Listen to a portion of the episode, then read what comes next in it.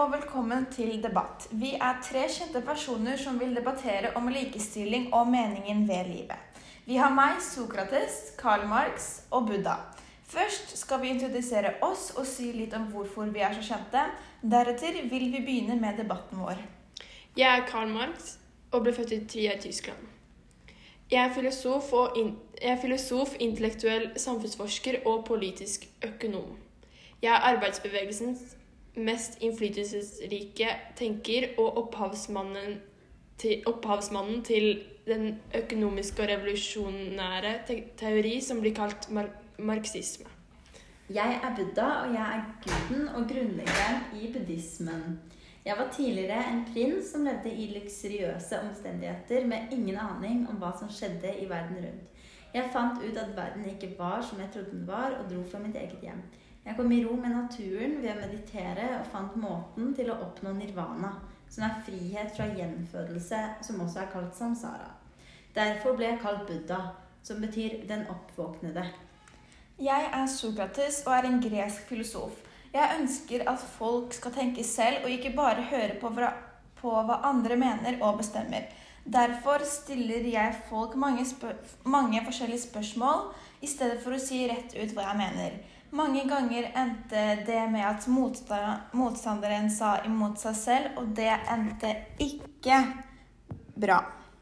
La oss starte med debatten. Karl Marx, hva mener du om meningen med livet? Spørsmålet om eh, hva meningen med livet er, gir faktisk bare mening i slike material, materialske termer. Så det er viktig å tenke på liv og mening først og, fremst i økonomisk, økonomiske termer.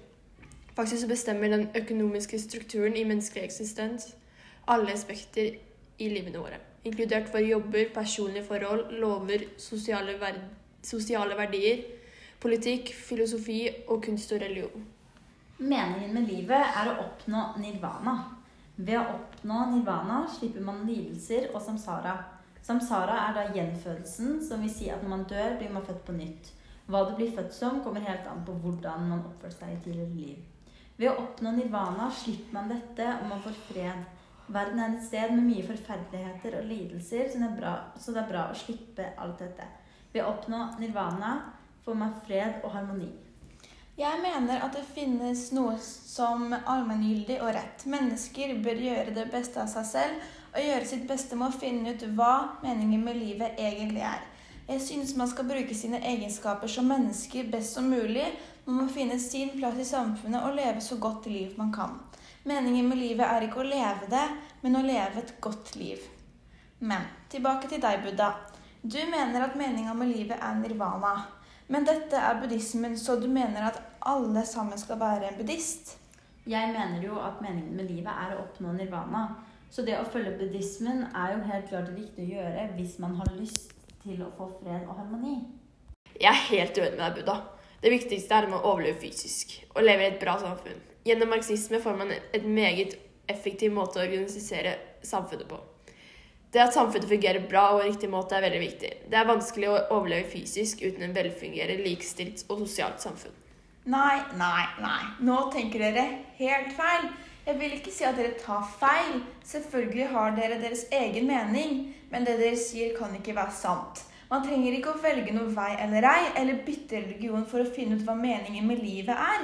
Det viktigste er å leve et godt liv. Ifølge Buddha så er på en måte meningen med livet å komme i fred og harmoni. Og for å komme i fred og harmoni må man være en buddhist. Men man kan fortsatt komme i fred og harmoni om man lever et godt liv og er lykkelig.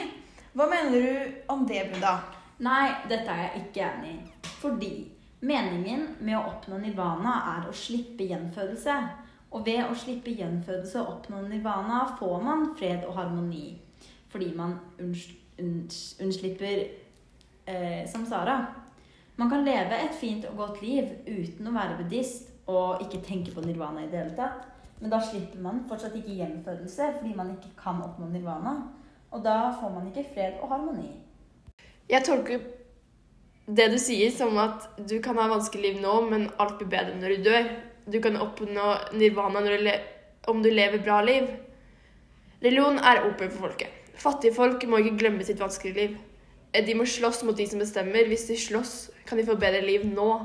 Det er viktig å Det er det som er viktig, hvordan du lever her nå. I marxisme har absolutt alle de samme mulighetene, og alle må jobbe like hardt for å oppnå det man virkelig har lyst til.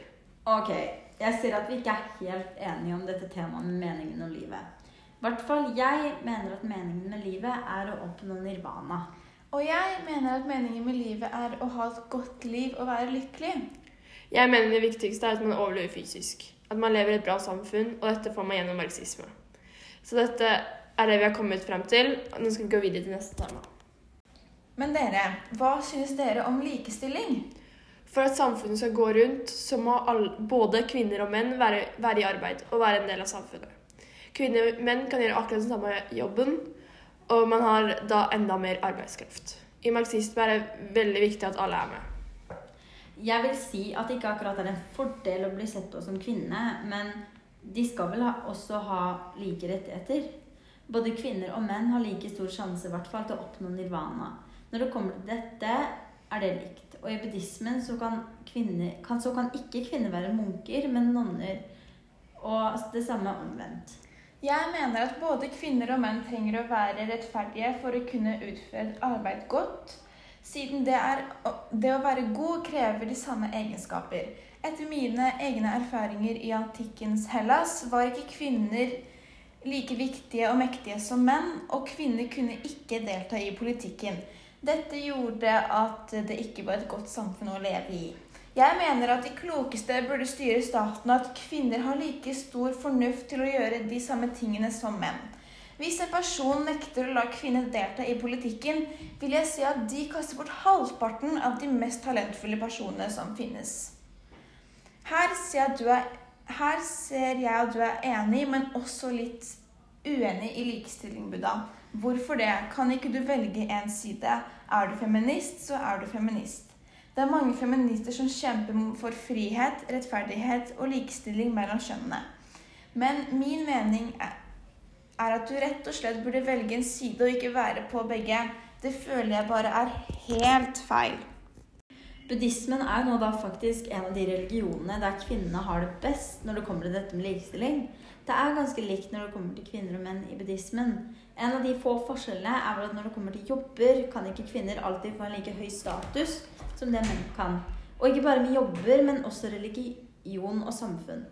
Jeg vil ikke si at jeg er på begge sider, men at jeg egentlig ikke tenker så mye om det, fordi det allerede er ganske likt, og det er ikke mange kvinner i buddhismen som ikke er fornøyde når det kommer til likestilling. Men du, Karl Marx, vi er ganske så enige.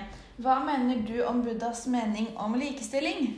Det at Buddha mener at kvinner ikke kan få høy, like høy status som menn, er jeg helt uenig med. Kvinner, skal ha like, eller, kvinner kan ha like høy status som menn.